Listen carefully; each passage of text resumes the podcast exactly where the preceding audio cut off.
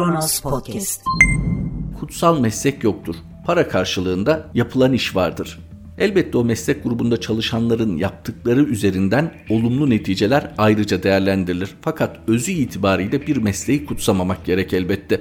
Bu bağlamda gazeteciliğinde dini bir kutsama değilse bile toplumsal bir yüceltmeyle karşılandığı açık.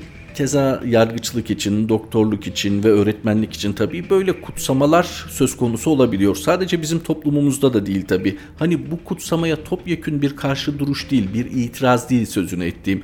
Neden bahsediyoruz? Temelde vazifesi kamuyu aydınlatmak olan, kamuya haber vermek olan gazeteci kurduğu ilişkiler üzerinden gazeteci kimliğini bambaşka bir amaç için kullanıyor olabilir.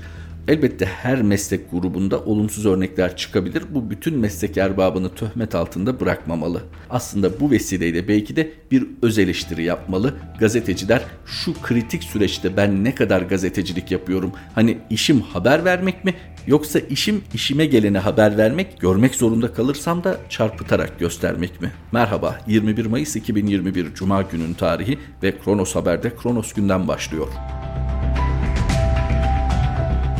Hadi Özışık'tan Peker açıklaması. Sohbet ettim, hatam mesafeyi koruyamamak.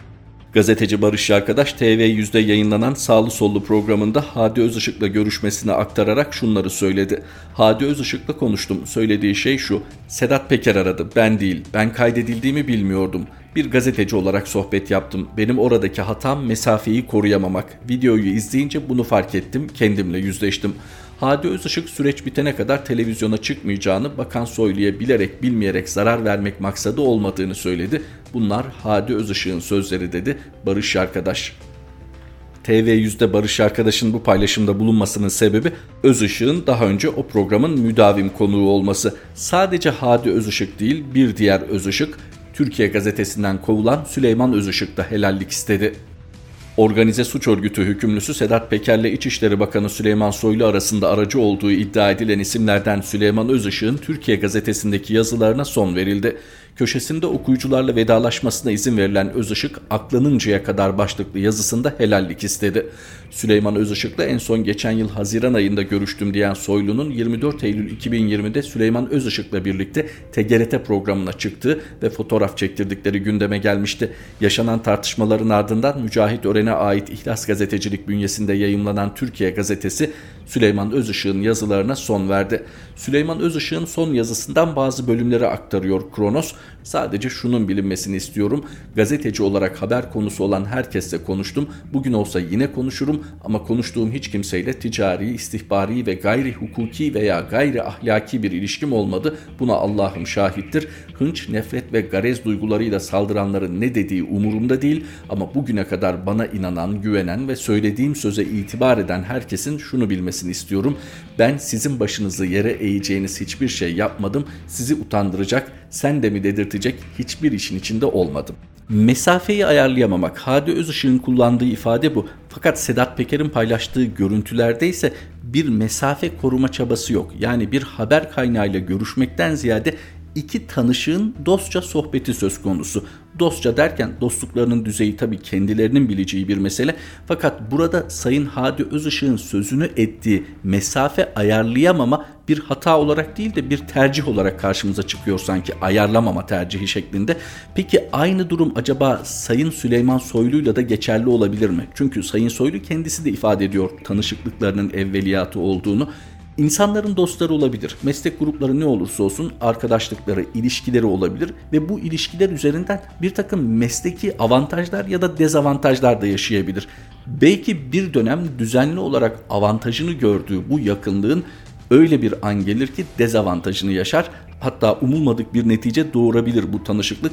Nitekim Sedat Peker hakkında ve Süleyman Soylu hakkında soruşturma açılması gereken yerde Süleyman Soylu Özışık kardeşler için soruşturma istedi. Yani aslında bu konuda en fazla mesleki etiğe aykırı davranmakla suçlanabilecek insan bununla birlikte belki organize suç örgütü lideriyle olan ilişkisi soruşturulabilir. Ama bir etik tartışmanın içinde kalması gereken mesele Özışık kardeşlerin başına hukuki bir soruşturma olarak patladı. Özellikle aynı meslek grubunda yer alanların birbirlerine etik hatırlatmalarda bulunmasında bir sorun yok. Neticede etik dediğimiz en kısa tanımıyla mesleki ahlak olarak değerlendirilebilir. Yani somut bir yaptırımı olmayan ama mesleki olarak da hoş karşılanmayacak, hoş karşılanmaması gereken davranışlar diyelim.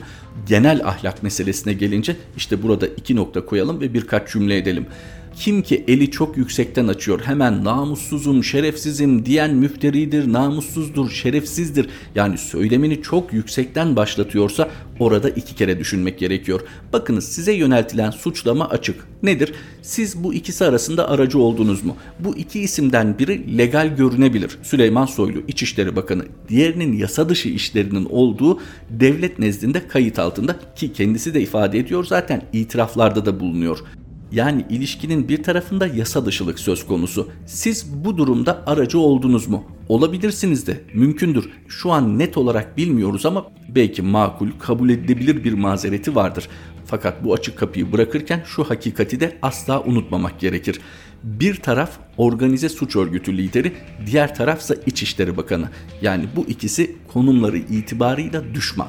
İçişleri Bakanı organize suç örgütü lideriyle pazarlık yapabilir mi? Yapabilir. Devlet adına bunlar yapılabilir. Yani daha büyük suçların önüne geçmek yahut da daha büyük bir örgütü çökertmek için benzer yolların izlendiği biliniyor. Bu bambaşka bir alan. Fakat burada bir illegal isimle bir siyasinin bir bakanın arasında illegal işler üzerinden bir pazarlık döndüğü iddiası var. Ki bunu açık açık ortaya koyuyor Sedat Peker. Peki bu illegal konulardaki arabuluculuk bir gazeteciye mi düşer? Gazeteci konuşur. Kimlerle konuşur? Bunun örnekleri oldu. Terör örgütü liderleriyle dahi konuşur. Haber amaçlı konuşur. Bununla birlikte insan hayatının kurtulması için de konuşur. Daha büyük problemlerin çıkmaması için de konuşur. Ama bunların hepsi legal çerçevede kalır. Nereden biliyoruz? Bakınız Mehmet Ağar dahi bir takım görüşmeleri deşifre olunca ne diyor? Ben devletin bilgisi dahilinde görüştüm. İşte burada belki Özışık kardeşler kendilerince iyi niyetle belki bir inisiyatif kullanıyorlar. Fakat bir tarafın illegal bir isim olduğunu hatta fevkalade illegal bir isim olduğunu unutuyorlar. Unutmaları da çok doğal. Çünkü o illegal isimle devletin şu an yasa dışı olmakla suçladığı isimle vakti zamanında devletin üst kademelerindeki organizasyonlar da bir araya gelmişler. E onlar da haklı değil mi? Kim legal kim illegal bu kadar karışan bir dönem olmuş muydu acaba birbirine? Koca ve Şahin'den 120 milyon doz aşı için anlaşma açıklaması. Sağlık Bakanı Fahrettin Koca, Profesör Doktor Uğur Şahin'le birlikte yaptığı ortak toplantıda Türkiye'ye toplamda 120 milyon doz aşı gönderileceğini duyurdu. Tam kapanmanın ardından gerçekleştirilen Koronavirüs Bilim Kurulu toplantısına Profesör Doktor Uğur Şahin ve Doktor Özlem Türeci de katıldı. Sağlık Bakanı Koca gelişmeleri kamuoyuyla paylaşmak üzere kameraların karşısına geçti. Basın toplantısına katılan Uğur Şahin 120 milyon doz Biontech aşısı için anlaşmaya varıldığını duyurdu. Bakan Koca ise bu aşıların hepsinin 4 ay içinde Türkiye'ye geleceğini belirtti. Bakan Koca Biontech aşılarının tedarikinde sorun yaşanmazsa Haziran ayında aşılamada 20 yaşa kadar inilebileceğini ifade etti. Profesör Doktor Uğur Şahin'in de açıklamaları var. Teknik ayrıntılar ne zaman sevk edileceği, ne kadar dozun geleceği şeklinde. Burada basın toplantısında dikkat çeken konulardan biri şuydu. Bakan Sayın Koca dedi ki Profesör Doktor Sayın Şahin'e siz de açıklar mısınız? Hani sizin söylemeniz önemli ne kadar aşı geleceğini şeklinde. Elbette Sayın Koca'nın maruz kaldığı eleştirilerden dolayı böyle bir açıklama istemesi makul ama çok da dramatik bir yanı var. Bir ülkenin Sağlık Bakanı'nın açıklamasının ilk etapta güvenilir bulunmaması acaba dedirtmesi Hani yalancı çoban hikayesini hatırlamamak elde değil. Sayın Koca özellikle salgının başında son derece güven tesis etmişti kamuoyu üzerinde. Fakat daha sonra anlaşıldı ki veriler olduğu gibi paylaşılmıyor. Veriler devletin âli çıkarları için değiştirilebiliyor, eksiltilebiliyor. Keza aşı konusunda da vaat edilen tarihler sürekli bir aşıma uğradı. Bunun için Sayın Koca Profesör Doktor Sayın Şahin'den istedi. Siz söyler misiniz şeklinde yeni tip koronavirüsle mücadelede aşının ne kadar kıymetli olduğu tüm uzmanların altını çizdiği husus. Hani yer yer aşıların henüz kendilerini ispat etmediğini söyleyenler olsa da mevcut şartlar içerisinde bu küresel salgınla en etkili mücadele yönteminin aşı olduğu vurgulanıyor. O halde bu aşı meselesine küresel perspektiften de bakmak gerekiyor. Yani sadece Türkiye'nin değil dünyanın pek çok ülkesinin bir aşı problemi var. Tedarik konusunda özellikle. Bu konuda dış politika uzmanı ve eski diplomat Ömer Murat'ın bir haber analizi var. Onu aktaralım. Aşı ırkçılığı küresel kapitalizmin Çernobil'i olabilir. Küresel kapitalizm 2008 finansal krizinin yol açtığı ağır hasarla baş etmeye çalışırken dünya her yüzyılda bir yaşanan türden büyük bir salgınla yüzleşti. Daha ilk aylardan itibaren küresel ekonominin böyle bir salgın karşısında ne kadar hazırlıksız olduğu hiç beklenmedik çarpıcılıkta gözler önüne seriliverdi. Çin maske ihracatını durdurunca dünyanın en gelişmiş ülkeleri birkaç ay boyunca bu kadar basit temel bir gereksinimi nasıl tedarik edebileceklerini bilemez halde kaldılar. Küresel tedarik zincirlerine bu denli bağımlı olmanın aslında bir zayıflık olabileceği hususu ilk kez Batı kamuoyunun gündemine geldi.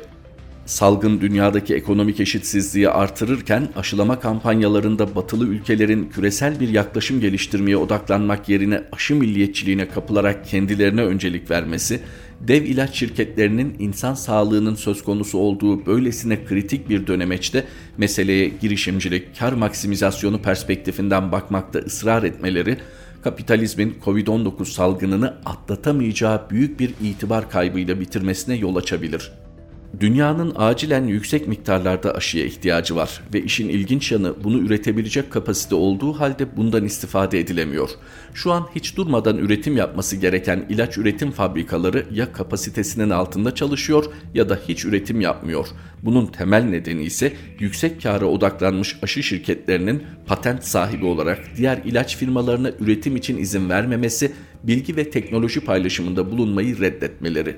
Keza bu şirketlerin hiçbiri Dünya Sağlık Örgütü'nün fakir ülkelerin aşıya ulaşmasını sağlamak için oluşturduğu COVID-19 teknolojik erişim havuzuna da katkıda bulunmadılar. Aşı üretiminin hızlandırılmasını sağlamayan ilaç şirketleri buna rağmen fikri mülkiyet haklarında gevşemeye gidilmesine de şiddetle karşı çıkıyorlar. Şirketler aşıların en kısa zamanda nasıl üretilip de halka ulaştırılacağının değil, aşıları en uzun zaman aralığında en karlı fiyata nasıl satabileceğinin hesaplarını yapıyorlar. Fazla aşı üretildiğinde aşıların fiyatı düşecek. Bu da karlarını düşürecek. Bunu istemiyorlar. Aşıların bu kadar çabuk geliştirilebilmiş olmasının kapitalist girişimciliğin bir neticesi olduğunu, böyle bir gevşemenin bundan sonra benzer buluşların önünü keseceğini iddia ediyorlar. Oysa nalıncı keseri gibi kendine yontmak hikayesini hatırlatan bu iddiayı doğru kabul edebilmek çok güç. Şöyle ki bu aşıları ortaya çıkartan bilimsel araştırma süreçlerini yakından incelediğinizde kamu paralarıyla yani halkın vergileriyle finanse edilmiş pek çok bileşen içerdiğini görüyorsunuz. Mesela Amerika Birleşik Devletleri'nde Savunma Bakanlığı, Ulusal Sağlık Enstitüsü'nün yaptırdığı, keza kamu üniversiteleri ve enstitülerindeki akademik laboratuvarlarda yürütülen temel araştırmalar olmadan COVID-19 aşılarının geliştirilebilmesi çok zordu. Benzeri bir durum Avrupa ülkeleri için de söz konusudur. Öte yandan 2008 finansal krizinin etkileriyle boğuşan borç batağındaki fakir ülkelerin ekonomik durumu salgın nedeniyle daha da bozuldu. Nüfuslarını aşılamak için gereken mali imkanlara pek çoğu sahip değil. G7 ülkelerinde yapılan kamuoyu yoklamaları halkın %70'inin Covid-19 aşı patentlerinin ücretsiz paylaşılmasını istediklerini gösteriyor.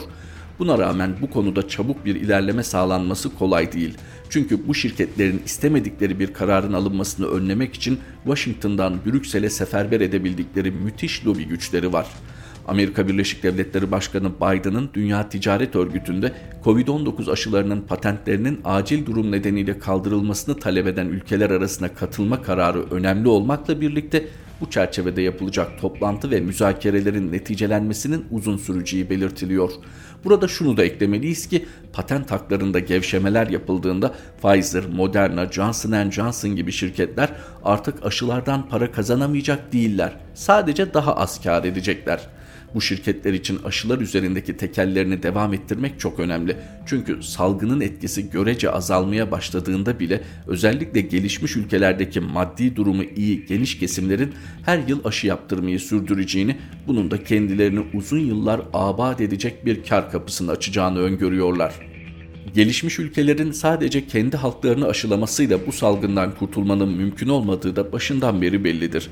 Güney Afrika, Hindistan gibi ülkelerde ortaya çıkan yeni varyantların batılı ülkelerde oluşacak sürü bağışıklığı üzerinde yıkıcı etkilerde bulunacağı ve küreselleşmenin mevcut yapısıyla bu varyantların çok kısa sürede yayılmasının önlenemeyeceği iyice anlaşılmış durumdadır. Batılı ülkeler Hindistan'a karşı hemen uçuş kısıtlamaları uygulamaya koydukları halde hali hazırda bu varyantın hızla yayılmasını önleyememektedirler. Tehlikeli bir varyantı artık dünyanın bir köşesinde izole etme ihtimali bulunmamaktadır. Yani herkes güvende olmadan hiç kimse güvende değildir. Bu nedenle Covid-19'la mücadelede küresel bir yaklaşım geliştirilmesi bir hayırhahlık değil, zorunluluktur. Çözüm belli olmakla birlikte küresel kapitalizmin şu ana kadar bunu geliştirmekte aciz kaldığı görülmektedir. Batılı kuruluşların öncülüğünde geliştirilen fakir ülkelerin aşıları ücretsiz almasını hedefleyen COVAX ortak girişimi bu eksikliği gidermeye çalışıyorsa da henüz başarılı olabilmiş değildir. COVAX bu yıl sonuna kadar dünya nüfusunun %20'sinin bu çerçevede özellikle tüm sağlık çalışanlarının ve risk altındaki insanların aşılanmasını hedefliyordu. Bu esasen düşük bir hedefti. Salgını durdurmak için zaten yeterli değildi ama şimdi COVAX'ın bunu bile tutturamayacağı anlaşıldı. COVAX programı çerçevesinde Şubat ayından bu yana yüzden fazla ülkeye dağıtılan aşının sayısı 65 milyonda kaldı. Sorun arz tedarikinde yaşanıyor. Zengin ülkeler öngörülebilir gelecekte üretilecek tüm aşıların büyük bölümünü şimdiden satın aldılar. ABD kendi ülkesinde üretilen aşılara ihraç yasağı koydu. 330 milyonluk nüfusunun dörtte birinden fazlasını tamamen aşılayan ABD şimdiye dek 1,2 milyar doz aşı aldı. Bu ABD'nin nüfusunun tamamını aşıladıktan sonra bile yarım milyardan fazla aşıya sahip olacağı anlamına geliyor. Benzer bir durum örneğin İngiltere için de geçerli. Bugün itibarıyla tüm dünyada vurulan 1,4 milyar aşının yaklaşık %60'ı 20 gelişmiş ülkede yapıldı. Afrika'da ise aşılananların nüfusa oranı %2 civarında. Güney Afrika Cumhurbaşkanı Cyril Ramaphosa bu duruma şu sözlerle tepki gösterdi. Bana göre bu aşı apartheidı, aşı ırkçılığı demektir. Aşı emperyalizmi olarak da tanımlanabilir. Güçlü ekonomiler dünyanın fakir bölümünü dışlayarak aşıları toplu halde aldılar. Afrikalıların hayatı da Avrupa ve Amerikalılarınki kadar değerlidir. COVAX programının ana üreticisi olarak belirlenen dünyanın en büyük aşı üretim tesisi olan Hindistan'daki Serum Enstitüsü ise bütün üretimini salgının kontrolden çıkma emareleri gösterdiği, her gün rekor sayıda ölüm yaşanan kendi ülkesine yönlendirmek zorunda kaldığından Mart ayından bu yana tek aşı teslim edemedi. Bu gelişme nedeniyle Serum Enstitüsü'nün COVAX'a yeniden aşı tedarik etmesinin yıl sonunu bulabileceği belirtiliyor. Böylece ana aşı kaynağını kaybeden COVAX'ın bugüne kadar planladığı halde teslim edemediği aşı miktarı 150 milyona ulaştı. Bu sayının önümüzdeki aylarda daha da yükselmesi bekleniyor. Aşı üretiminin bu hızla sürmesi halinde gelişmiş ülkelerdeki nüfusun aşılanmasının tamamlanmasının bile 2023'ten önce mümkün olamayacağı belirtiliyor.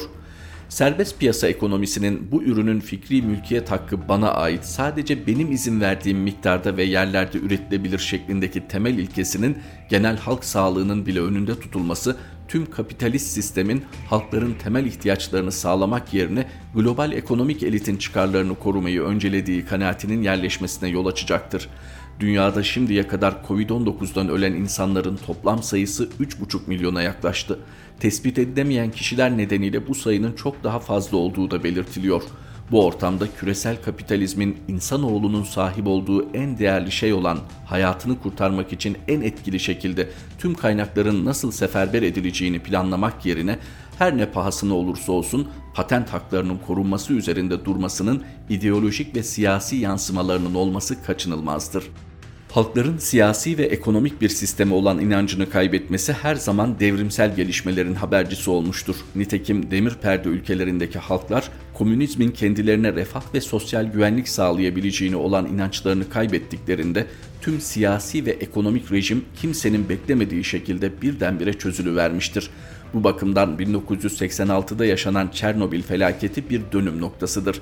Eğer iyi idare edilmezse Covid-19 salgını da küresel kapitalizm üzerinde benzer bir etkiye yol açabilir.